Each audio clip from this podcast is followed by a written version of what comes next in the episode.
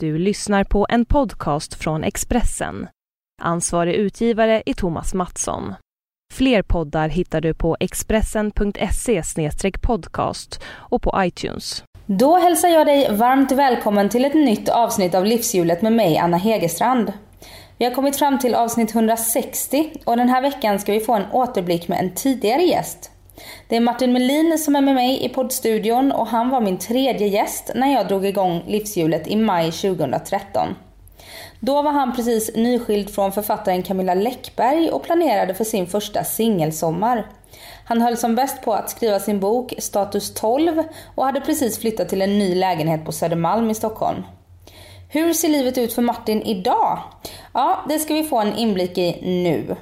Och mig hittar du som vanligt på sociala medier, på Instagram där jag heter Anna Hegerstrand eller på min blogg på expressen.se Anna Hegerstrand. Podden den är ju ett samarbete med Expressen och på expressen.se podcast kan du lyssna på alla gamla avsnitt. Annars är ju Acast-appen som du laddar ner till din telefon ett smidigt sätt att lyssna på och hålla koll på mina avsnitt och såklart på andra podcasts. Nu Martin Melin, varsågod.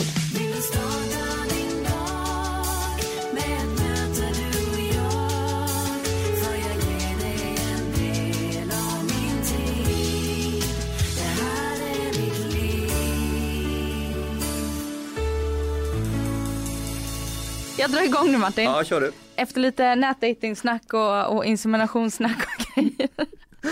Du, så, du bara, det har varit på hela tiden. Ja, precis. I wish. Nej, men vi är tillbaka i livshjulet efter tre år. Efter, är det tre år? Ja. Det var precis efter jag hade skilt mig där från Camilla. Ja, det var precis när det skrevs som mest. Ja, på våren där. Som jag raggade mm. upp dig och kände att det här blir en bra gäst. Ja, just det, tre år. Mm. Galet. Mm. Vi satt eh, på Östermalm då, mm. med Adam Alsing som producent. Just det, mm. just det. Det stämmer. Ja, och vi ska kolla läget lite, hur det ser ut idag, hur livet ser ut nu efter tre år. Ja. Ja, och vi börjar med, hur mår du? Idag mår jag bra. Det här spelas ju in nu när det är vår och mm. pollen i luften och eh, jag håller på att skriva en bok och är jättestressad. Så, så här, stressad, pollenallergiker, eh, lite trött i pappavecka, man går upp tidigt och lämnar på skola. Ja det var därför du kunde komma på förmiddagen för du ska hämta sen. Mm, precis. Så att det är, det är, just idag är det lite så här kli i ögon och lite stressat. Men generellt sett så mår jag väldigt bra. Väldigt bra. Och hur kommer det sig då? Flaggan är topp. Eh, nej men livet är liksom, livet är under kontroll. Jag har koll på livet. Eh, alla de här olika tårtbitarna i livshjulet på något sätt eh, harmoniserar med varandra. Det fungerar. Mm. Och, och, när vi såg sist, då höll du också på att skriva en bok. Eller du hade nog skrivit färdigt Status 12, men du var inne i någon slags PR-process för den skulle släppas till hösten. Det stämmer och jag har faktiskt skrivit en till efter det. Brott kan ej styrkas, som kom ja. ut förra året. Och nu håller jag på med tredje, ja ah, okej. Okay. Är det så länge sedan? ja, är det, är det tre böcker, är det som en trilogi eller? Ja, en trilogi, så att de, precis, de fortsätter efter varandra så att säga, det är fortsättningar. Mm. För du sa då att eh, hur livet kommer, vilken riktning arbetet till exempel kommer att ta, det beror väldigt mycket på hur den här boken mm. kommer att gå. Mm. Det känns väl som att det här året blir någon slags vägskäl, nu i höst kan man säga. Mm. Det hänger lite på, grann på hur bra den här boken går. Um, ja, det här året känns som ganska stora förändringar. Ja, det är på alla många, sätt, ja, på alla plan, ja. ja många plan. Och eh, vilka riktning har eh, arbetssituationen det, tagit? Det är, fort, det, är fort, det är, min målsättning i livet är att kunna livnära mig på att skriva. Både eh, skönlitterärt och redaktionellt. Eh, det vore målet. Och jag är inte riktigt där idag. Jag är en bit på väg kan jag säga, men jag är inte riktigt där än idag. Um, jag måste sälja lite bättre, lite mer. Vad säljer du? Alla sådana här siffror i förlagen som bestämmer och pratar ja. om och så. Uh, men jag brukar säga att jag drar in ungefär en, en halv årsinkomst på böckerna. Kan man mm. säga. Ungefär, generellt sett. Men du jobbar fortfarande heltid på polisen? Mm, eller jag jobbar 75 procent. Uh, vilket man ju har rätt att göra om man har barn under 12 år. Eh, och anledningen till detta är inte för att jag ska hinna med att till exempel skriva utan anledningen till det är för att jag faktiskt har, jag är ju boendeförälder till ett barn, mitt yngsta Charlie, som fyller sju år nu, eh, varannan vecka. Så jag har honom måndag till måndag. Och den veckan jag har honom, då kan jag inte jobba på polisen med den tjänsten som jag har idag. För att jag börjar antingen väldigt tidigt eller så jobbar jag väldigt sent. Och det funkar inte om jag då ska hämta och lämna på skolan. Så att eh, då är jag alltså, så att säga, ledig från polisen måndag till söndag den veckan. Och sen så tar jag igen det och så jobbar jag fler dagar veckan efter. Men jag jobbar 75% på polisen. Men livet, för du är ju varannan vecka förälder. Mm. Eh, och sen så har du dina stora barn i Upplands Väsby. Mm. Vi kan ju säga till lyssnarna att det är ju inte tre år sedan du och jag sågs. Nej, vi, Vi har ju sett- haft med varandra att göra ganska mycket. Ja, precis, så att du har ju koll. Ja. Men för de som inte har koll så är det så att jag har ju tre barn. Mm. Och eh, då har jag ju två barn med min första exfru. Mm, Då har jag Fanny och Felix och de är ju då eh, 13 och 9 fyller de nu. Alltså jag får, jag får ton- Tonårspappa. Ja, hon fyller år nästa vecka. Det är helt galet. Det är helt sinnessjukt. Bara det är ju en podd i sig egentligen, alltså, men det är en annan historia. Ehm, och de bor ju med sin mamma där. Och sen har jag dem och träffar dem eh, varannan helg, alltså den helgen då jag har min yngsta son Charlie boende hos mig. Då har jag även de andra barnen. Men sen är det så med dem att de är så flexibla, jag åker ut och hälsar på dem och de kommer in och hälsar på mig på stan. Och jag åker till fotbollsträningar och det är uppvisningar och allt. Alltså, det där är mer flytande hur jag träffar dem, hur jag har dem. Men de är ju så att säga inte boende hos mig på något sätt. Och sen har jag då Charlie då varannan vecka och då är jag pappa den Just veckan. det. Och Charlie bor ju inte så långt ifrån, Camilla och Simon bor ju inte långt ifrån dig. Nej Enskede. precis, det är väl någon kilometer det ifrån mig så det är jättenära, det är ju gångavstånd. Mm. Så att det är jättebra. Och det är också därför jag kan ha Charlie boende så som jag gör. Ehm, tyvärr kan jag inte ha mina två stora barn boende hos mig för det funkar inte med logistiken att få dem iväg till skola och så, hämtning och lämning det är ju Är det från en sida av stan till den Ja, andra? om man inte har varit i Stockholm så är det ungefär, då kan man säga en och en halv timme enkel väg till skolan på morgonen och sen en och en halv timme tillbaka igen. Så det är, säg, att- säg att det är två och en halv, tre timmar varje morgon bara lämna på skolan. Och sen på eftermiddagen är det kanske en timme fram och tillbaka. Så att jag skulle sitta en halv dag i bil och det är ju inte värdigt. Tyvärr. Men och du var inne på det här lite att det skulle bli en hel podd i sig att, om det här med att vara tonårsförälder. Eh, jag är ändå lite nyfiken, hur, eh, hur ser din relation med din dotter ut? Jag, måste, säga, jag och Fanny har, jag vill säga att vi har en bra relation. Alltså Fanny, Fanny är en fantastisk människa, hon har en bra relation med sin mamma också. Men jag kan ju säga så här att hennes mamma får ju ta en större bit av det här tonårs, vad ska man säga, problematiken med humörsvängningar och eh, rebellaktigheter och att det här att man håller på att kliva in i vuxenvärlden och man bryter sig loss. Hon får ju ta jättesmällar kan jag säga. Det, det, det måste jag ge henne. Men jag försöker att inte vara då den här snälla pappan som Fanny då ringer till när hon har bråkat med sin mamma. Utan jag, vi, det är ganska enad eh, front mot henne, vi föräldrar mot henne. Eh, Men det är mycket samtal där hon ringer och ibland får jag höra att jag inte är snäll och det är fel hit och dit och allting. Men, men bort, det här är ju naturligt, det här är ju, händer ju alla tonårsbarn förr eller senare på ett eller annat sätt. Ehm, men annars så måste jag säga att Fanny och min relation är ganska bra. Ehm, vi ska bland annat åka till New York ihop nu i sommar, en vecka. Eh, vilket jag bestämde redan för eh, 30 år sedan att jag skulle göra. Oj! Mm, för att min pappa tog mig till New York första gången när jag var 13. Eh, eller jag skulle fylla 13. Och, efter, och då blev jag kär i den stan naturligtvis. Eh, och då har jag alltid sagt till mig själv att jag ska ta mina barn till New York första gången när de fyller 13 år. Eh, och nu fyller Fanny 13 år, så att nu i sommar så åker vi till New York och så ska jag introducera den staden till henne och sen får jag se om hon får samma kärlek till den som jag har. Mm. Eh, så därför ska vi åka dit, så blir det en pappa, pappa-dotter-vecka. Det ska bli spännande Ja, verkligen. Men jag tror att det, men som sagt, där, alltså då är det så enkelt, då finns det inga krav på skolan och träningar och man ska, måsten och sådana saker, utan det är ju bara en ren, ren lyx att ha kul och roligt. Och då är det ju ganska enkelt att umgås med sina barn, när liksom allting bara är roligt. Mm. Så att, ja men spännande vecka, jag ser fram emot den. Håller du och din eh, exfru, X, är hon X1 eller X2? X1, Kristina är X1, Camilla är X2. X1, håller ni en tajt dialog om hur ni ska uppfostra barnen? För jag vet sist vi träffades då eh, berättade du om att du inte hade tagit så mycket ansvar när barnen var små, att det var Camilla som hade liksom så här satt ner foten ordentligt, att nu tar du ansvar här. Mm. Och du har ju gjort en ganska stor resa när det gäller din papparoll som din Mm.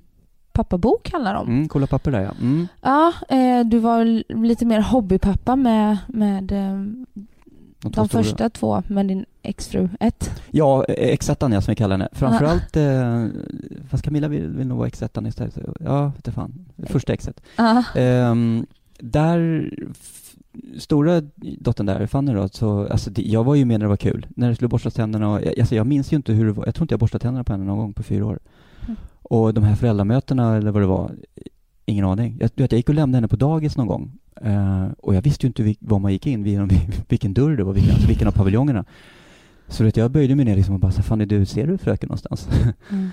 så att man inte gick och lämnade till fel, för det är ju pinsamt Mm. gå fram. Så att jag, jag, jag alltså så frånvarande var jag med första. Och, Och- din, och, och Felix- ditt första ex fann sig alltså i att dra det stora lasset eller? Jag tror inte att hon fann sig i det, utan snarare sa hon inte till. Nej. Men jag tror naturligtvis att hon inte gillade det. Det är klart Nej. att hon ville att jag skulle hjälpa till också. Men jag fanns inte riktigt där. Jag var någon, en lekpappa och tyckte livet var toppen, kunde spela golf och spela Counter-Strike på och och ändå var du ganska, du var inte jätteung när du blev pappa första gången. Nej, jag var ju 36 när jag blev pappa. Mm. Så att, nej, bara, bara dålig. Alltså, jag tog inte mitt ansvar. Så enkelt var det. Jag, och jag älskade min dotter, så det var inte det. Jag älskade Nej. verkligen. Såklart. Och Felix, han kom ju i samband med att jag skilde mig med henne. Så att där tappade jag ju första halvåret direkt med honom. Just Jag det. var ju inte med alls. Nej. Ehm, så att eh, jag, jag har väl hämtat hem eh, efteråt när jag faktiskt insåg, och där ska Camilla ha en stor eloge alltså. hon, var hon, hon sa faktiskt till mig, nu skärper du till det. Nu, du har två barn här, nu får du... Liksom, Ja, innan, innan ni fick Charlie ja, då? innan jag fick Charlie. Ja. Så, så att hon, ehm, hon var på mig och sa, nu, nu tar du ansvar. Nu skärper du det. Och när vi fick Charlie, då var det Så det så- var hon som fick dig att ta ansvar? Ja. Jag, jag skulle ställa den frågan, vad var det Mm. som fick dig? Det var det var Camilla. Camilla, det var Camilla som fick upp ögonen på mig och sa, så håller du inte på. Hur, hur är det liksom idag? Jag skrev ju faktiskt en bok om det där till och med. Coola pappor. Coola pappor ja. Mm. Ehm, nej men alltså Kristina, alltså Kristina, ja vi har en jättebra dialog om hur vi ska göra och, och vi är väldigt enade och vi är väldigt liksom överens om hur vi ska uppfostra barnen och hur vi ska vara mot barnen, vilka regler som gäller och, och så. Så att eh, det finns liksom ingen vi, vi, är överens helt enkelt. Eh, fortfarande är det ju som jag sa Kristina som tar det största ansvaret. Mm. Det är ju så. Och, och eh, på något sätt får ju hon leda, hon får på något sätt styra. Hon känner ju av, hon bor ju med barnen på ett annat sätt, så hon får ju känna av. Och sen stöttar jag henne i det som behövs. Mm. Sen kan jag också kliva in ibland när jag tycker vissa saker är fel och vissa saker ska göras på annat sätt. Men det är allt sånt här genomförs eller görs genom en dialog. Mm. Så vi, vi, eh, men vi, vi, har väldigt, vi har en väldigt bra relation jag och Kristina måste jag säga. Det, det funkar jättebra och jag tycker och hoppas och tror att jag tar ett större ansvar idag än vad jag gjorde liksom för tio år sedan. Mm. Och X2 då? Mm, X1. Ja, som du var nyskild från eh, Mm, sist. Och, mm. Men ändå ni var väldigt goda vänner och vi pratade mycket om de här skriverierna i tidningarna som du tyckte var jobbiga. Mm, Fast man kunde eh, jag trodde ju att ni tyckte det var kul för att ni gav ju lite på era sociala medier och sådär hela tiden. mm. Eh, men du sa att nej det tycker jag inte alls. Nej gud nej, alltså det där är Jag tror att skulle man, någon gång kanske man kan titta tillbaka och se på allt som skrevs och se lite grann för att eh, Det är ju så här att när man förekommer i media så att man, man läser lite grann om, eller man läser det mesta. Eh, dels för att hålla koll vad som skrivs och dels för att hålla koll på hur det blev om man har medverkat själv i en artikel eller reportage. Eh, men i, som, som i veckotidningarna, skvallertidningarna så är det väldigt sällan man har medverkat utan då skrivs det ju saker som plockas kanske från andra media eller från Instagram eller, eller andra sociala medier. Och eh, jag brukar läsa ibland och se vad, vad det står och, och det måste jag ändå säga att 99% av allt som skrivs om mig är väldigt snälla saker och positiva saker. Det är väldigt sällan det blir det är liksom elakt eller felaktigheter, det har hänt några gånger men sällan. Men jag måste säga det att under, efter skilsmässan där så läste jag faktiskt inte. Det, det, var, det var så mycket skriverier så att man blev eh, knäpp till slut nästan och det var, eh, alltså, inte säga påhittat, men det var spekulativt, väldigt mycket spekulativt och väldigt mycket så här fåniga artiklar också. Och det, och jag tror, jag tror Camilla kände samma, vi pratade om det här lite grann och hon kände samma sak också. Att liksom, varför skrivs det? Varför? Vad, vad är intresset? Och jag har ju pratat med redaktörer och journalister om det här efteråt och de har ju berättat det att det sålde. Mm. Det sålde väldigt bra. Det, de fick väldigt mycket klick på det och väldigt mycket försäljningar när, när det var om, om skilsmässan på första sidan. Folk var nyfikna, folk ville veta. Så att, eh, och jag har en förståelse för att det, det här är ju liksom publicister som har, har ett uppdrag att, att, att, att sälja lösnummer och då, då skriver man om det som säljer. Så jag förstår det, så jag har no hard feelings på så sätt. Men det blev så att jag, jag läste inte till slut, jag vill inte ens se, jag orkar inte bry mig. Eh, men någon dag så ska man väl kanske sätta sig och gå igenom och se vad som skrevs och allting. Men det var absolut, absolut ingenting som, som man eftersträvade eller ville. Det, det kan jag säga på en gång. Och det, och det gäller ju, överhuvudtaget gäller det med, med media att man vill ju inte vara med i trams, alltså tramsartiklar. För man, man vet ju folk sitter och suckar och stönar och säger, men gud, Mm. Är han med eller är hon med? Varför håller de, vad är det här? Och man har inte medverkat för fem öre. Och då kan man säga så här, jo men skriv inte om vissa saker på Instagram då för då kommer det plockas upp och så skrivs det om det i, i media. Men då tycker jag snarare så här, ja men jag måste väl kunna få skriva på mitt Instagram och publicera saker som jag vill utan att det ska på något sätt plockas upp av tidningen och vinklas eller på något sätt. Har du funderat på att ha eh, stängt konto? Nej, alltså jag är inte så jättedrabbad. Det finns väl andra som är värre drabbade än vad jag är på att, att tidningarna plockar upp saker. Men däremot så tänker jag ju, jag tänker väldigt mycket på vad jag skriver och vad jag publicerar på Instagram. Dels ur eh, den aspekten att, att, att tidningar kan plocka upp och göra saker om det. Um, jag har gjort, slutat med till exempel, jag vet att Camilla och jag hade någon gång, vet vi, framförallt innan de träffade Simon, att vi skämtade lite med varandra ibland på Instagram och det plockades ju upp på ett felaktigt sätt. Mm. Och då kände vi att då lägger vi av med det. Um, och sen även i och med att jag är polis så tänker jag även på också vad jag lägger upp och vad jag skriver, att man håller en mm. viss ton och sådana saker. Så att, så att jag tänker på vad jag lägger upp. Um, sen struntar jag att min pappa till exempel inte tycker att jag ska lägga upp bilder på min morgonfrilla och sådana saker. Anders Timell tycker jag inte ska lägga upp några bara överkroppsbilder. men jag skiter i det, men, men, men jag, jag, hör vad de säger och jag lyssnar och jag, jag, ger dem rätt ibland, det gör jag. För ibland, ibland kan jag faktiskt sitta och titta på mitt Instagram och tänka så här, vad fan håller du på med? Kom, du är 49 år Martin, sluta bete dig som liksom 15. Tycker du att du gör det? Ja men ibland, ibland så har jag faktiskt lite så här, ångest. Jag tänkte, men det, här, det här var inte moget Martin, det här var inte, det här var inte värdigt att lägga upp. Jag, ibland tänker jag faktiskt på det. det men det, det, är inte ofta, men ibland händer det. Du kanske ska så här, lägga upp, eh, eller du vet, så här, skriva texten ja. och förbereda och sen sova en Ja, flight mode, lägga upp och sen tänk på saken. Ja men alltså, det, nej, men nu har jag börjat så här att, att om jag känner en tvekan när jag sitter och skriver innan jag ska trycka, mm. då tar jag bort det. Och det, det händer inte så ofta, men låt oss säga att det händer en till två gånger i månaden i alla fall. Att jag har en bild, jag har en viss text och så tycker jag det här är jätteroligt. Det här är ju roligt, det här är ju mm. skitkul. Och så tänker jag så här, men det kan misstolkas. Mm. Nej, det kanske inte är så roligt. Vad ska Timell tycka? jag tar bort det och så lägger jag inte upp det. Jag är tvärtom, att om jag sitter och tvekar det minsta när jag skriver, upp ett, in, äh, skriver ett inlägg så trycker jag på sänd direkt. För Nej. jag vet att jag själv är sån som bryr mig så mycket vad andra tycker. Ah, du är kritisk, okej. Okay. Ja, mm. väldigt och mm. sådär censurerar mig själv otroligt mycket. Mm. Eh, och får ofta höra av mina nära så att du låter ganska så här, jag lyssnade ju på eh, intervjun jag gjorde med dig här nu för tre år sedan i research-syfte såklart. Ja. Och jag låter riktigt trist och torr och, det, så här. det är och jag är inte. ganska kul. Ja, jag tyckte att du, du är ju inte det. Du, du, men, men, jag tror det handlar lite grann om att du har din privata sida och sen så mm. har du mm. din personliga sida, eller ja. din professionella sida. Mm. Och det är klart när du sitter här så går du in i någon slags, du går in i din journalistroll. Mm. Och sen när du är privat, då är du privat. Alltså, men du är, är ju du hela tiden. Ja, fast jag har även olika roller. Kan jag mm. säga. Hur är det om man träffar dig? Som polis? Ja, slagit ner någon på stan liksom ja. och du kommer fram. Det, då tror, alltså, nej men grejen är så att jag kan vara väldigt avväpnande verbalt även när jag är polis. Mm. Jag kan gå fram till demonstranter och köra liksom ett väldigt lugnt, nästan lite skämtsamt sätt ibland, därför att det funkar. Men sen finns det situationer där det inte funkar, folk som inte är mottagliga, folk som inte vill prata, demonstranter till exempel. Mm. Och då, då ser du nog i min blick att det här är inte någon rolig kille att prata med, utan det här är en kille som är ganska bestämd och faktiskt kommer äga situationen. Är det en fördel att du är känd? Jag har än så länge inte haft några negativa sidor av det. Jag har inte haft något problem. Snarare har jag haft positivt eh, positiv nytta av det. Jag har mm. kunnat lösa situationer just på grund av att folk har känt igen mig. Eh, så att jag vet inte, jag tror att det är 50-50 där kan man säga. Mm. Och polisyrket, eh, är det någonting du kommer vilja fortsätta med även om du eh, börjar skriva liksom mer och mer och mer? Om dina böcker säljer ännu mer? Ja exakt, det där är en jättebra fråga. Jag har fem år kvar till jag får medalj. Oj! Då har man gjort 30 år i statens tjänst, då får man en jättefin medalj. Du måste ju rida ut den och ta din medalj. Ja, det känns sen så. kan du lägga ner. Ja, sen kan jag lägga ner. Får man medalj eller man får någon guldklocka eller vad det är i stadshuset eh, av justitieministern.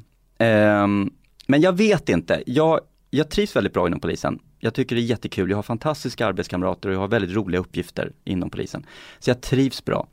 Eh, jag har sagt att den dagen jag kan livnära mig på att skriva så kommer jag sluta. Och det är väl till 90% står jag för. Sen finns det här 10% utrymmet för att nej, det blir inte så. Men eh, vi Vi får får se. hoppas att inte dina chefer på polisen lyssnar här för då kommer de så här inte höja din lön och så här. Nej men, jag, redan, men redan nu är det ju, jag, jag, man är liksom, jag, jag är så, så kallad normalpresterare. Jag har varit högpresterande en gång, då får man Mm. lite mer betalt. Men jag är normalpresterande och jag var löneförhandlade faktiskt med min chef här förra veckan. Det tog ungefär 25 sekunder. Jag gick in och sa så här, var skriver, jag gick in och så sa så här, är jag normalpresterande? Ja det är du. Och så började han nästan förbereda sig för att lägga ut och berätta varför. Och då sa jag så här, bra, var skriver jag på?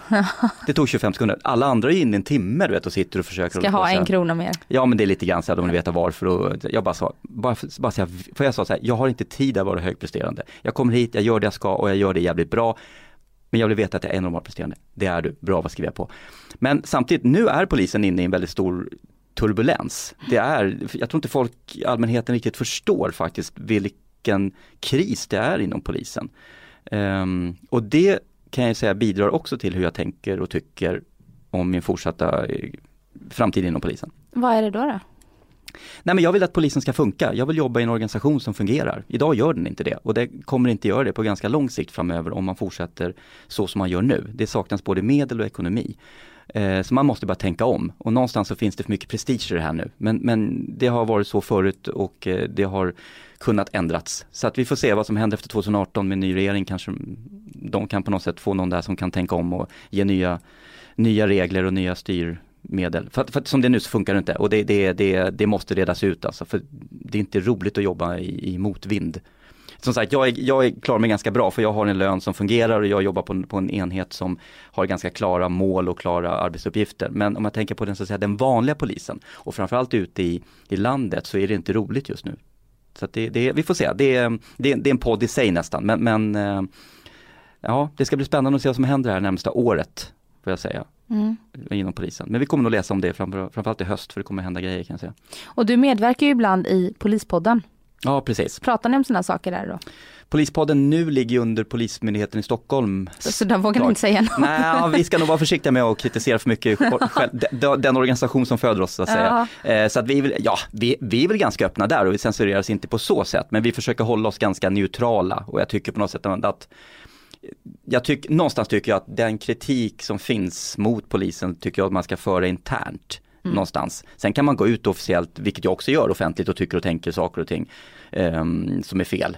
Polisutbildning till exempel som ska bli mer akademisk och de tankar som jag tycker är helt ute och cyklar. Men det, men det, det, är- det är sånt som jag tycker man kan utveckla antingen på en debattartikel eller, på något annat sätt än, än att hålla på och sitta i en podd och prata om det på något sätt. Ja, precis. Ja men någonstans på något sätt, ja, men det, det, men Polispodden är kul att göra, det, det, är en, det är en rolig podd som jag kan rekommendera att lyssna på om man är intresserad av polisarbetet och polisyrket i sig. Mm. Finns på iTunes och... Finns nog överallt. Doktorns podcast heter av en anledning, därför att en av poliserna som sköter den heter, eller kallas för Doktorn. Så, så, så Doktorn podcast, man kan gå in på polisen.se också så finns den där och söka på podcast eller vad man söker på. Mm. Och du har ju eh, alltid massa olika järn i elden. Du, förutom polisen och polispodd och bok så vet jag att du pratar hela tiden om tv-projekt, olika tv-projekt. Mm.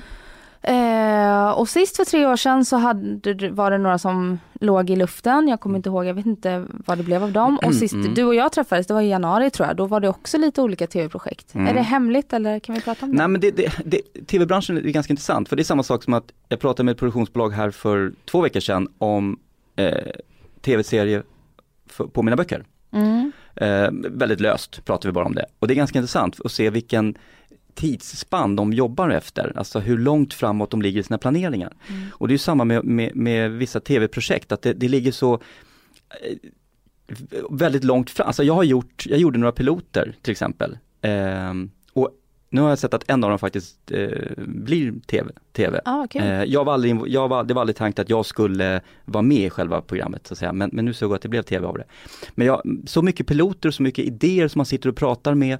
ehm, och så blir det ingenting till slut. Jag, jag, men jag hade en som jag pratade med då tror jag, där var det, den blev av men de tog en annan eh, programledare istället. Mhm. Ehm, därför de ville ha en, av ett, de ville ha en kvinnlig programledare. Eh, nu blev det inte någon jättesuccé det här programmet så att det var kanske inte var någonting som man riktigt tappade på så sätt. Och sen finns det ett annat projekt som fortfarande ligger i pipen, eh, som vad jag förstår har, eh, det finns kanal som är intresserad. De har i princip sagt ja men Vi, ja men har de sagt. Och sen finns det två andra projekt som jag just nu pratar eller arbetar med produktionsbolag eh, i samarbete med så att säga. Så att, men det är så här, man vet aldrig, att av, av, alla i tv-branschen vet det här, av 20 projekt så kanske det blir ett som blir av. Mm. Sen kan man nå ganska långt fram, man kan, jobba, man kan jobba så långt fram som man faktiskt gör ett pilotavsnitt.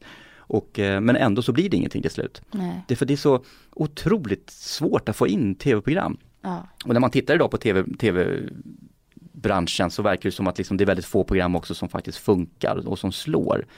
Ehm, ja, alltså gammel-tv. Ja, det känns ju någonstans som att ja, man väntar bara på att webben ska ta över. Men nu verkar det som att det är de här Netflix och de här att göra tv-serier, att de gör sina egna, producerar sina egna, HBO och de här, de Mm. producerar sina egna tv-serier. Det verkar vara det som är liksom grejen nu. Ja. Och där satsas väl pengarna på då att man hittar bra, duktiga manusförfattare som kan skriva serier direkt för de här kanalerna, eller betaltjänsterna så att säga. Mm. Och även vanlig tv, jag menar som Expressen storsatsar ju på sin tv. Mm. Eh, så att det kommer man väl se att Nej, jag tror Mediehusen. abs- absolut, jag tror definitivt, om det är klart att folk kommer sitta i sina eh, smarttelefoner och, liksom, och, och, och titta på TV på bussen på morgonen. Eller, och, Mm. och, och då ligger väl till exempel Expressen ganska långt fram vad jag förstår. mm. Istället för att man sitter och tittar på Nyhetsmorgon på TV4. Så att eh, jag sitter bara och väntar på att, liksom att webben ska ta över från gammel-TV. Mm. Och eh, nu är inte jag involverad så i, i TV-branschen så jag har ingen aning om hur det ser ut och när och hur och var. Men som, vanlig konsument så känns det som att det borde ju hända snart. För jag tittar ju aldrig på TV hemma. Jag går ju alltid in och kollar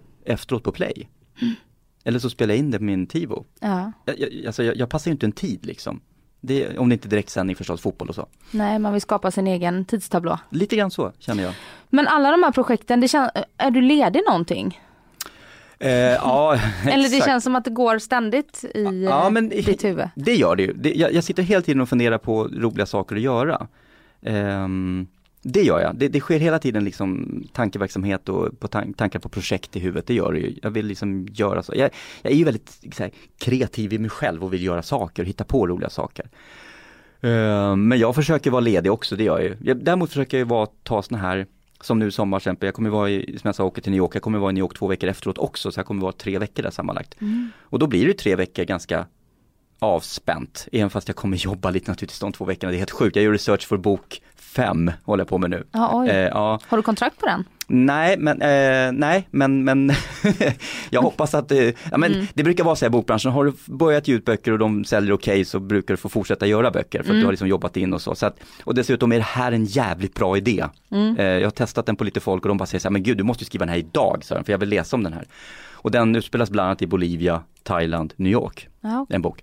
Eh, och det är den alltså som jag ska skri- börja skriva på nästa vinter. alltså du hör hur jag ligger Ja. i huvudet. Men i alla fall, så den ska jag göra lite research på eh, och faktiskt skriva lite grann på i sommar nu. Jag ska fuska och skriva på en bok samtidigt som jag skriver på en annan bok, vilket är ju helt knasigt. Men så Ja. är det. Men, så här, så här, men jag försöker åka iväg och ta liksom så ledigt, så här, ta en, två veckor superledigt. Mm. Istället för att vara ledig under dagarna. Och sen du blev singel, Mm. eh, har det blivit ännu mer att du liksom så här drar igång jobbprojekt för att fylla tiden eller? Är du singel förresten? Jag är singel. Mm. Ja, eh, dejtar inte ens. Så att, eh, eh, och nu har jag sagt till mig själv att jag inte ska dejta inför sommaren här nu för jag, jag, ska åka bort så mycket och alltså, jag har inte tid. Det, det är inte rätt om jag skulle träffa någon och liksom försöka upprätthålla någon sorts värdig relation. och- Två och vara romantiska veckor i New York. Ja fast jag kommer vara så upptagen ändå.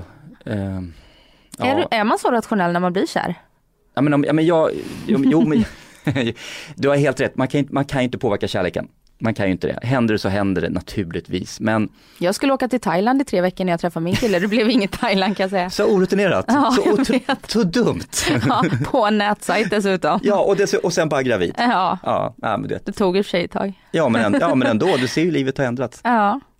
Ehm, nej men, men jag, man säger så här, jag aktivt är inte liksom ute och letar eller mottaglig. Kan man säga. Jag är ganska oflörtig just nu. ja, det är så. För sist vi träffades, och det är bara några månader sedan, då var du så här att du ville Ja, längtar efter kärleken. ja, Det var vinter då. Ja, precis. Ja, exakt. Eh, jag hade den tanken. Jag var väldigt sugen på relation i vintras. Var väldigt, väldigt sugen. Ehm, men det blev inte så. Jag träffade inte någon helt enkelt. Och, eh, och nu känner jag väl lite grann att nu kommer sommaren med allt vad det innebär och det, jag kommer vara borta mycket, jag kommer träffa mycket kompisar, jag kommer ja, röra på mig mycket. Då prioriterar jag det framförallt att framför att försöka hitta, eller försöka bli kär helt enkelt. Eller försöka bli kär, vad fånigt det låter. Ehm, jag är inte mottaglig. Nej. Men händer det så händer det, så kan man säga. Så att, eh, men sen får vi se till hösten, då kommer hösten. Mm. Men, men jag tror någonstans, jag tror nog någonstans här, det är så fånigt att säga det, men jag tror någonstans att jag, in, jag kommer nog inte vara singel på nyårsafton nästa år. Men du tror det? Men gud, nu säger jag det här till dig. Ja, Mm. jag, jag, jag, jag, jag tror inte det. Jag tror inte det. Nej, så okej, vet du så här. Du får ta ett sista minuter där, så här 30 december annars. Någon som har någon fest bara. Ja. Nej, men jag, jag, men- jag ska, jag ska pussa på någon på nyår nästa år. Nu, Mm. nu, jag, nu säger jag det till dig här och nu. Mm. Och sen så finns det ju en del damer som lyssnar på den här podden också. Blir du uppvaktad mycket? Jag blev bjuden på nyårsfester. Eh, ja, jag blev uppvaktad en hel del och det, och det, det var det. Det är många killar som blir det och, och sånt där. Och det, det, Fast du Mm. är ju ändå en, någon slags, jag vet inte, men tjejerna gillar ju dig. Du, du Mm. säljer bra i, i media och, och Mm. allt sånt där och det är ju för det är tjejer som köper de tidningarna. Precis, nej men det är väl, eh, nej men det är väl kul. Ja men som sagt, jag får, jag får många snälla mejl, det får jag. Eh, däremot så har jag faktiskt, jag pratade faktiskt med en kompis om det här igår. Eh, eller kompis, en bekant igår, som också är lite officiell. Eller officiell, offentlig. Mm. Och eh, sa just det här med att hur det är svårt det är att svara på mejl. När man får mejl som är väldigt snälla och där det står det vore kul att ses. Ehm, jag har alltid haft den här inställningen att jag svarar alla som på något sätt kontaktar mig. Oj, Ja. Det här Eh, är ett halvtidsjobb bara där kanske. Ja, exakt och det är dit jag tänkte komma till. Att om jag får, låt oss säga att jag får 50 stycken mejl i veckan. Svarar jag på de här 50, då kommer 30 svara tillbaka direkt. Ja. Och så får man hålla på så här. Och det innebär att jag kan sitta i princip två timmar varje dag och bara svara på mail. Och det går inte. Vilket innebär att jag svarar och jag kanske svarar Tack, det var snällt sagt. Kram Martin. Eller ja, ganska neutralt men ändå ganska, ja men jag har läst det här. Tala om att jag läst det här. Och i 20 fall Alltså i, i, i 18 fall av 20 så, så, så får man tillbaka tack och sen är det inte mer med det. Men sen finns de här två fallen där det är som att öppna en kran. Och då väller det in mail efteråt det från de här, den här personen eller de här personerna. Och det, det jag kan få 10 mail om dagen. Eh, Och det, man, man, wow känner man. Och så orkar man ju inte svara på alla för det går ju inte. Och då får man höra, då får man till slut det här att ja, ah, jag visste väl att du var en sån här stöddig människa som inte bryr sig. Och då känner man bara, "Ah, suck. Ehm, Men jag har faktiskt blivit mer, mer, restriktiv nu med att inte svara. Därför att jag, jag kan inte, jag läser ju allt, men jag kan inte svara alla människor och det, jag bara känner att jag kan inte vara liksom alla till lags på något sätt. Är det på Facebook då eller Instagram? Nej, eller? Jag går ju och blir kontaktad på genom min officiella Facebook-sida, Mm. genom Instagram och genom mail. Jag är väldigt eh, tillgänglig kan man Ja. säga. Ehm, Instagram är jag sämst på att kontakta för där går jag nästan aldrig in och kollar på det här direkt message. Jag är dålig på det. Eh, men som sagt, min mail kollar jag ju varje dag och min officiella Facebook-sida går jag in på ja, kanske någon gång om dagen eller varannan dag åtminstone. Så att jag är väldigt lätt att, att få kontakt med. Och det är även på de här, de här kanalerna kommer det även in jobb erbjudanden. Men sen kommer det också in saker som jag definitivt svarar på, nämligen när det är folk som vill diskutera till exempel mina böcker. De har läst boken eller böckerna och så vill de prata om det eller de har frågor. De har frågor om polisyrket kanske. Såna här, de mejlen svarar jag alltid på. Så ett hett tips då om man är intresserad av dig, det är Börja att gå via böckerna och polisen. Exakt, men sen så är det nu i den här tiden också, nu, nu det är samma förra året, nu kommer alla de här, eh, eh, min kompis ska gifta sig. Nu kommer de, min kompis ska gifta sig, vi ska ha en möhippa eller på bröllopet, kan du spela in en film? Hon tycker, du, hon tycker om dig, du är hennes favorit och så. Så nu kommer de inspelningarna och det brukar bli en, jag skojar inte när jag säger det kan bli 20-30 inspelningar varje år. Gör du dem alltid? Ja men då, jag gör alltid dem. Jag gör verkligen, för det, det tar mig eh, men vänta, hjälpte jag inte dig med någonting? Nej, jo, fast- men det var, till- jobb- det var ja, jobbrelaterat till ett event. det. Men Ja, jag det. hade faktiskt kompisar som gifte sig förra Ja, sommaren. Men då, nej då var nog inte du med, men då var hade jag ju Ja, någon annan. Ja, men du ser, du rycker några trådar. de, de tycker det är kul eftersom jag jobbar med det jag gör. Ja, så, absolut. Och jag, jag förstår, alltså, Mm. jag, jag, det kan vara roligt. Så att, men det, som sagt, det tar mig 30 sekunder att göra det, skicka dem via Sprint till en mailadress och sen är det inte mer med det. mm. Ehm, och det är roligt att nu har jag liksom nästan, jag kör samma tema på alla, man hoppas att folk inte går på samma Samma bröllop. bröllop. Ja, för att jag har liksom samma grej som jag kör lite grann. Men jag tycker men det är lite roligt att göra och det, det, det tar så lite tid. Och, Spelar du in dem i bara överkropp? Eh, det, na, jo men det har jag nog gjort någon gång men det är inte det som är grejen. Jag brukar, jag brukar nog tröja på mig. Men, men, Lite roligt i alla fall. ja men det, det beror lite grann på vad det är. Men, men, men de kommer nu, de börjar nu framförallt nu, nu när det är vår och sommar när folk ska gifta sig. Så, Ja. Och de gör jag alltid, så att de, de kontakterna också svarar jag på. Så att, men för att sammanfatta det här, jag, jag blir kontaktad av väldigt mycket människor eh, och många av dem är tjejer, ja. Men, men jag har blivit mycket mer restri- restriktiv med faktiskt att svara. Därför att jag upptäckte att det nästan så att man inger någon slags förhoppning om jag svarar och det vill jag inte göra i så fall. Nej precis för då blir det väl så här att de har inte räknat med att du ska svara och sen när du svarar så så här oj, Mm. han såg mig. Mm, jag vet, och, det, och det, många kan ta det men det finns vissa som tar det, eller tolkar det fel. Mm. Har du träffat någon då? Som du har blivit kontaktad av? Genom mail eller, Eller eller, eller på, på något sociala medier, oj har jag gjort det? Eh, oh, då måste jag tänka nu. Jo, men det har, jo, det har, jo, det har jag visst gjort. Jo, det har jag visst gjort. Jo, jag hittade en träningskompis. Jo, det stämmer. Just Mm. det, det stämmer. Ja, det blev aldrig någonting så. Ehm, jo, det har jag faktiskt gjort. Det var ganska, det var... mm, och det är också så här när det sticker ut, när, när, man, när det inte är så uppenbarligen ragg, utan Mm. det är mer bara en rolig, rolig en, ett roligt mail. Och man kände, det här, det här var lite annorlunda. Mm. Eh, så det, det, jo, det har jag faktiskt en träningskompis, men inte så här träffat och liksom dejtat och så. Det har jag inte gjort. Nej. Nu, jag måste tänka efter verkligen här nu, men nej. Vi pratar om de senaste tre åren. Ja precis. Ja innan dess hoppas jag att du inte träffade Ja, nej, någon för då nej, var du gift. Ja, nej men då hade jag inte ens, då, då var det svårt att kontakta mig dessutom. Ja. Hur, eh, hur är det, vi pratade ju även om det här att du och Camilla var så otroligt goda vänner och just det här med skriverierna då att eh, det fanns ju egentligen ingenting för att det var en väldigt eh, odramatisk eh, separation eller skilsmässa. Och att ni var väldigt goda vänner men att det skulle ändras den dagen när någon träffade någon och då hade inte hon träffat Simon. Nej. Och just det här att säga att du skulle träffa någon ny, tror du att, man kan, att du och Camilla kan behålla den vänskapsrelationen ni har? Hur, se, hur ser du på det? eh, Rent Jag generellt? tror, jag tror generellt sett att, att förhållandet med sitt ex ändras om den ena träffar någon. Mm. Det är klart det blir. Har det ändrats? Ja men det gjorde det ju och det, och det visste ju både jag och Camilla för som sagt vi fortsatte att hänga efteråt som vänner.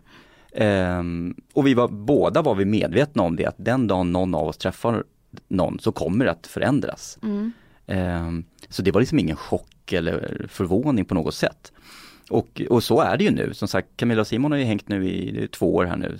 Mm. Och eh, Camilla och min relation förändrades ju från dag ett när de träffades av naturliga skäl. Mm. Ehm, helt plötsligt fanns det liksom någon annan där som hon kunde käka middag med eller hänga med och, och sådär.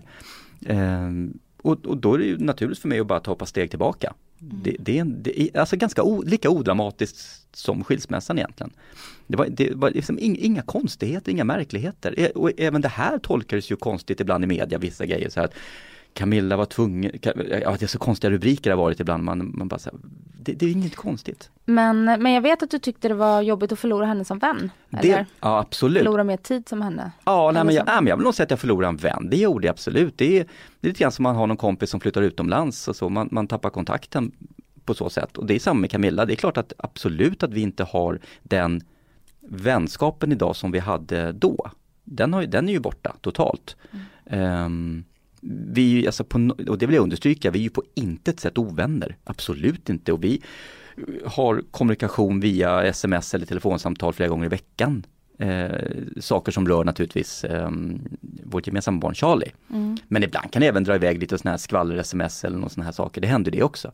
Men vi har inte, absolut inte samma liksom dagliga vänskapskontakten som förut. Det är så konstigt att det kan bli så, det vet jag med mitt ex. När vi gjorde slut så var det så här, ja du kommer alltid ha en stor plats i mitt hjärta och, och vi kommer alltid finnas där för varandra. Och sen så från att ha varit så otroligt tajta för att man har ju tyckt om varandra väldigt mycket och gör fortfarande kanske. Men det till att det inte blir så mycket, det är så, um, Ja, men tänk dig själv, om du går tillbaka till gamla pojkvänner. ja. Ta för 15 år sedan.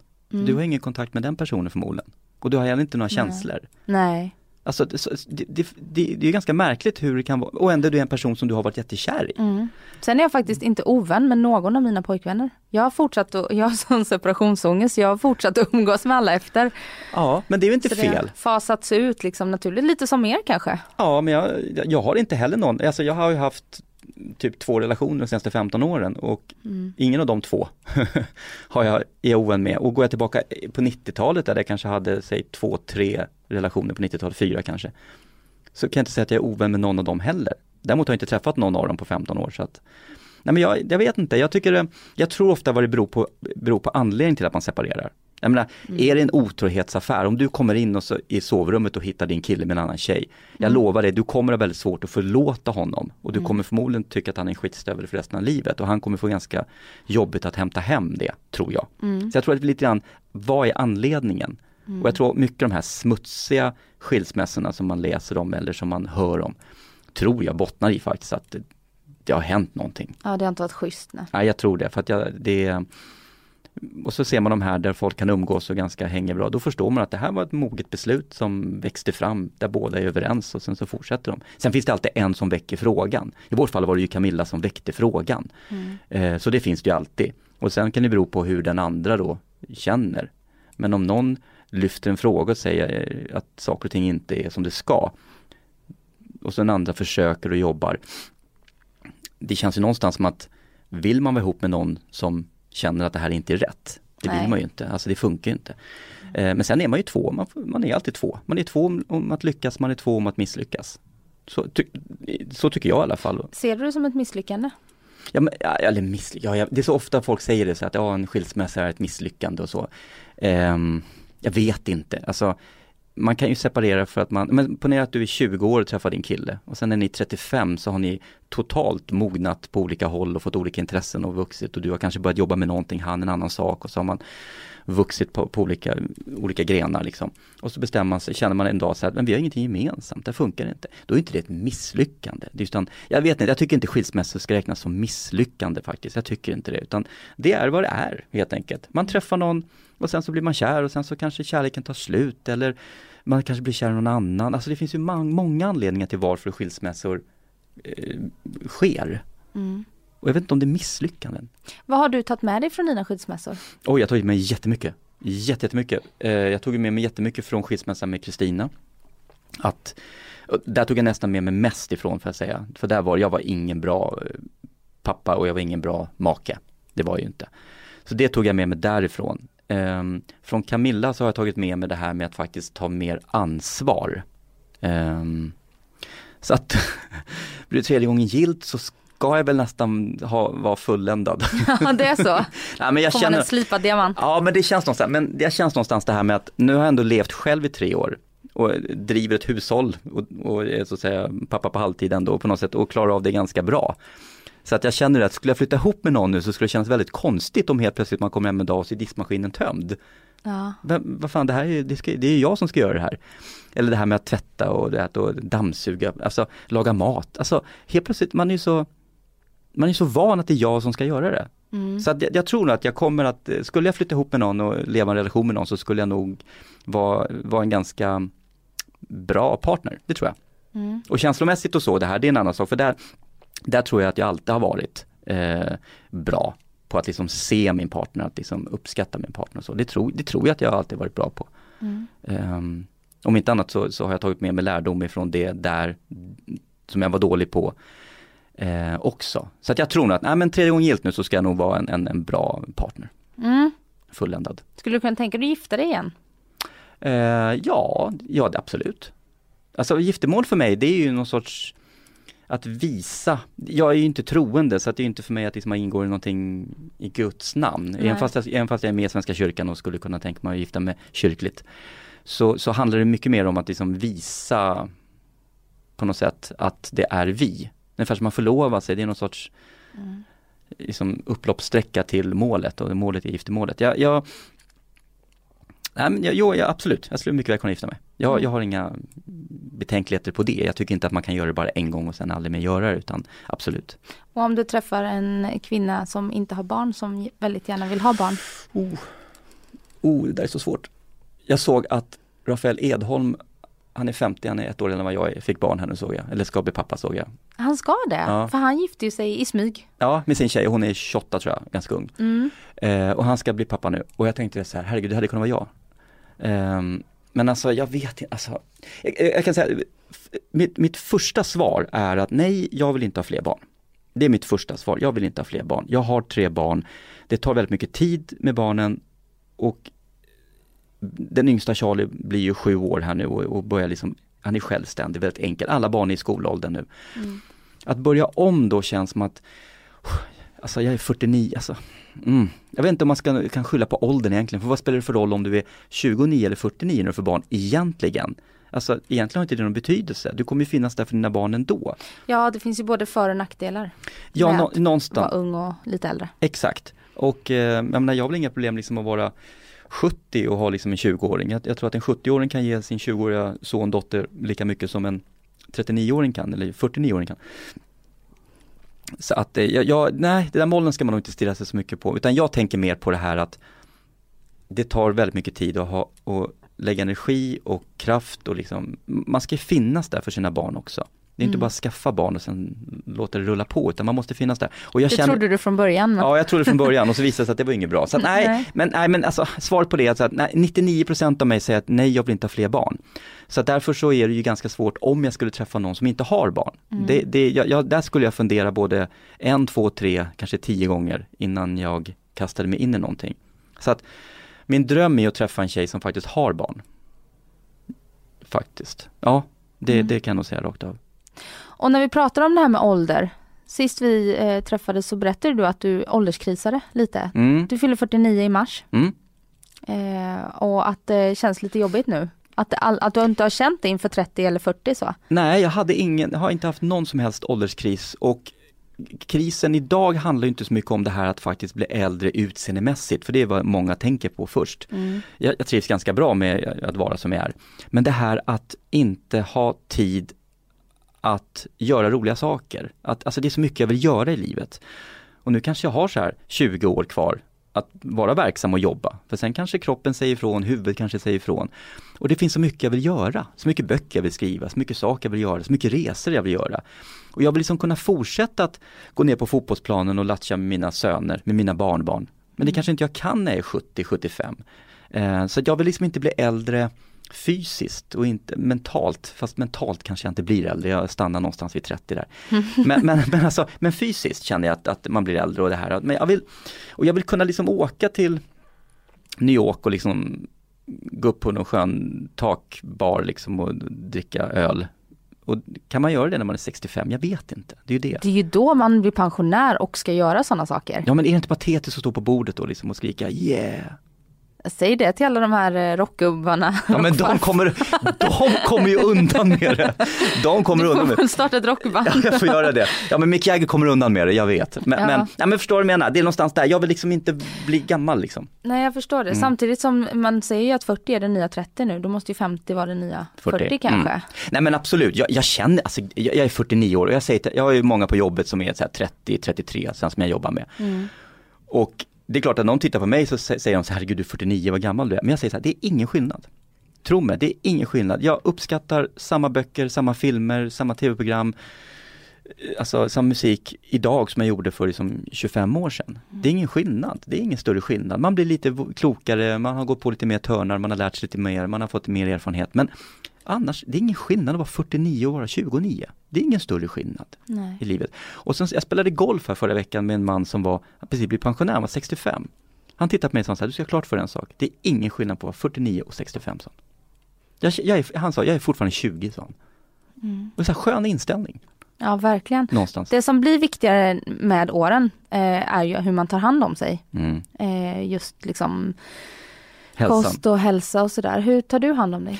Jag har, faktiskt, jag har börjat nu eh, tänka lite grann mer på vad jag äter, för jag, jag har ju en, en kostvana som är, jag borde ju vara död vid den här lagen. Alltså jag har så ensidig kost så det finns inte. McDonalds och donuts? Ja men det, ja, ja hamburgare och kött, alltså jag äter kött. Kött, Mm. kött, kött, kött. Och massa bacon och stekt mat och det och allt det här. Och sen är jag för, barnsligt förtjust i chips och i godis. Eller i glass. Mm. chips och glass. Ehm, men jag brukar säga att jag tränar så pass mycket för att kunna äta de här sakerna, den här dåliga maten. Men någonstans så måste jag ändå börja tänka på det här nu och det, jag äter ju väldigt dåligt med grönsaker och med frukt. Ehm, så att jag håller på att ta just nu en hel del sådana här kosttillskott. Börjar faktiskt med här nu för ett par veckor sedan. Jag har en kompis som jobbar i den branschen och han hörde av sig till mig och sa så här, "Hörru, testa det här nu för det kommer bli bra. Du, du måste bara ta hand om det. Så nu testar jag det och kör på det och ser. Jag har blivit lite piggare faktiskt. Jag har känt redan nu så att någonstans kanske det funkar. Men jag ska även börja tänka på att äta bättre själv. Så att det går jag in på. Men sen har jag fått en sån här jag börjar träna annorlunda. Jag har fått ett helt annat kroppsideal, vad får inte att säga så, men jag, inte vara stor, bulkig och stora överarmar utan nu mer tight, eh, smidig. Mm. Eh, så att jag börjar med det här, jag funderar på att börja med yoga. Ja, Det är så många som Bästa. pratar om det. Ja! Och då tänkte jag så här, och för min kropp som är ganska så här stel och allting tänkte jag, det måste ju vara bra. Eh, men sen nu det vår, jag har kommit igång med löpningen nu så jag kör en halv mil varannan dag. Så att jag, jag, jag tar hand om ändå ganska hyfsat säger jag. Och det naturligtvis har ju mitt jobb påverkar naturligtvis. Det, det, jag bör ju vara lite hyfsat bra form i jobbet. Vi har en del fysiska ansträngningar då och då. Ehm, känner du att du är i bra fysisk form nu? Mm, när absolut, vi knackar på dörren till sommaren. Absolut, jag, är- jag är nog i bättre form idag än vad jag var för 20 år sedan. Så att eh, jag, jag har sagt att när jag fyller 50 ska jag vara i min kanonform. Mm. Så att nästa år vid den här tiden så ska jag vara i min, mitt livs form har jag sagt. Mm. Har du några sådana saker, du säger att du vill göra så mycket, har du någonting på din bucket list som förutom att vara i ditt livs form när du fyller 50? Ehm, nej, alltså jag har ju uppfyllt så mycket av det som jag vill eh, göra. Så att jag har, jag har ingenting nu som jag känner, det här vill jag göra, det här vill jag hinna med eller det här ska jag göra. Jag har uppfyllt så mycket, jag, har- jag har väldigt mycket kryss på mina listor. Så att ehm, hitta kärleken är nästa sak. Gud, alltså jag får inte säga så, gud vad fånigt det låter att säga så. Det är klart att det inte är fånigt, det är Ja, väl men- typ det mest basala. Ja jag vet men gör det då. Nu kommer det någon bara så här rassla in i mailkorgen. Ja precis, här är jag, här är jag. Jag hörde att du inte svarar, men du kan väl bara svara mig. Ja, Ja. Jag har läst din bok. Jag, läser. jag har en fråga här om en av dina karaktärer.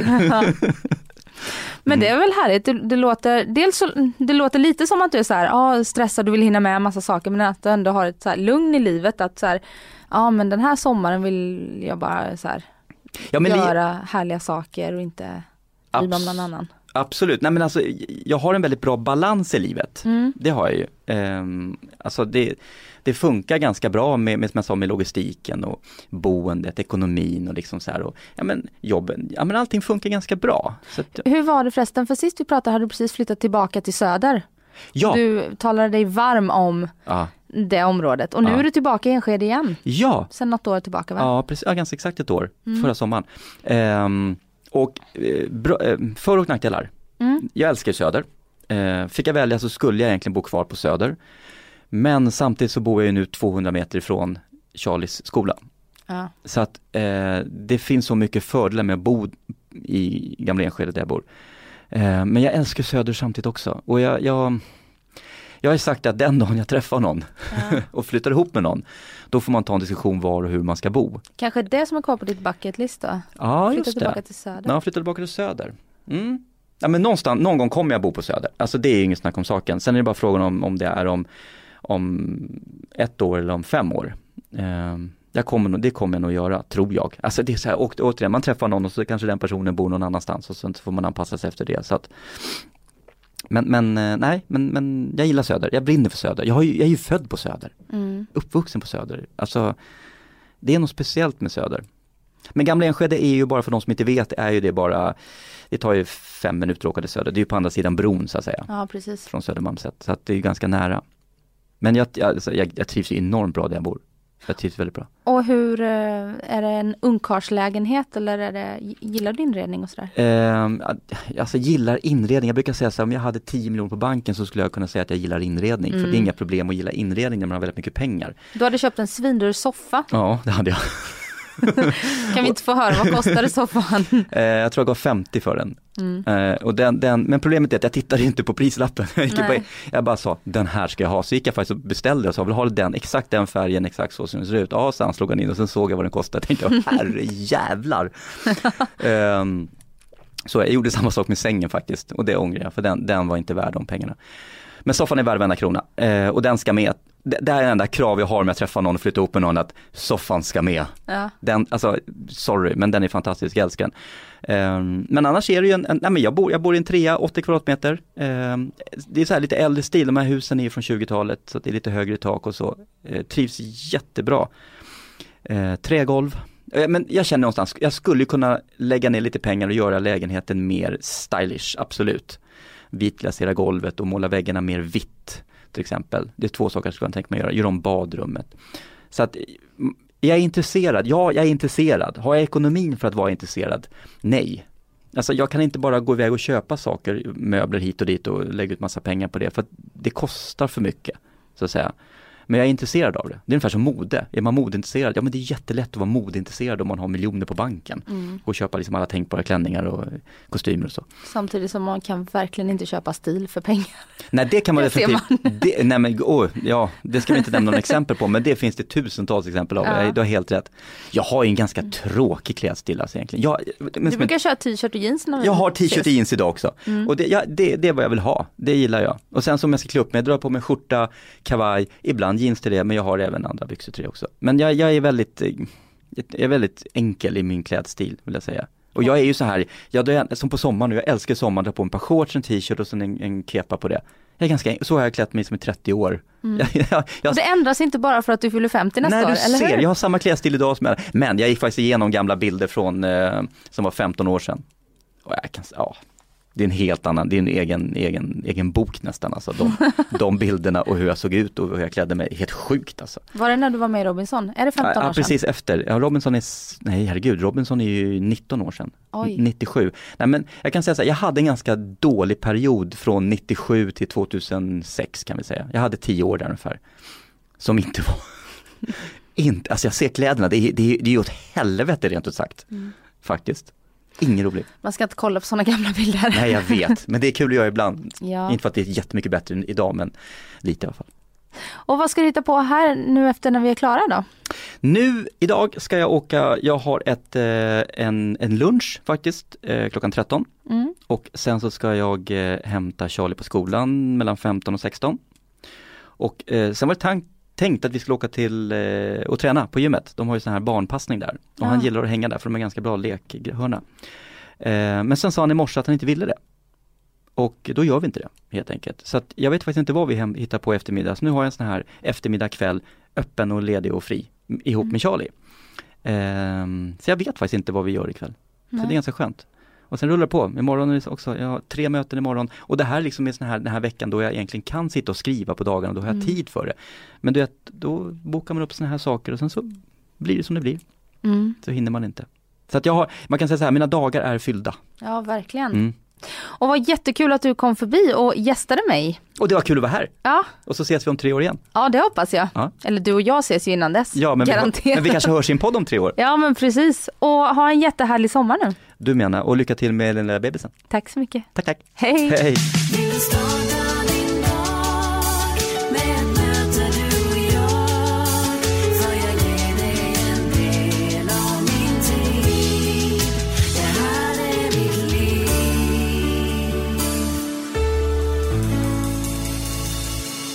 Du har lyssnat på en podcast från Expressen.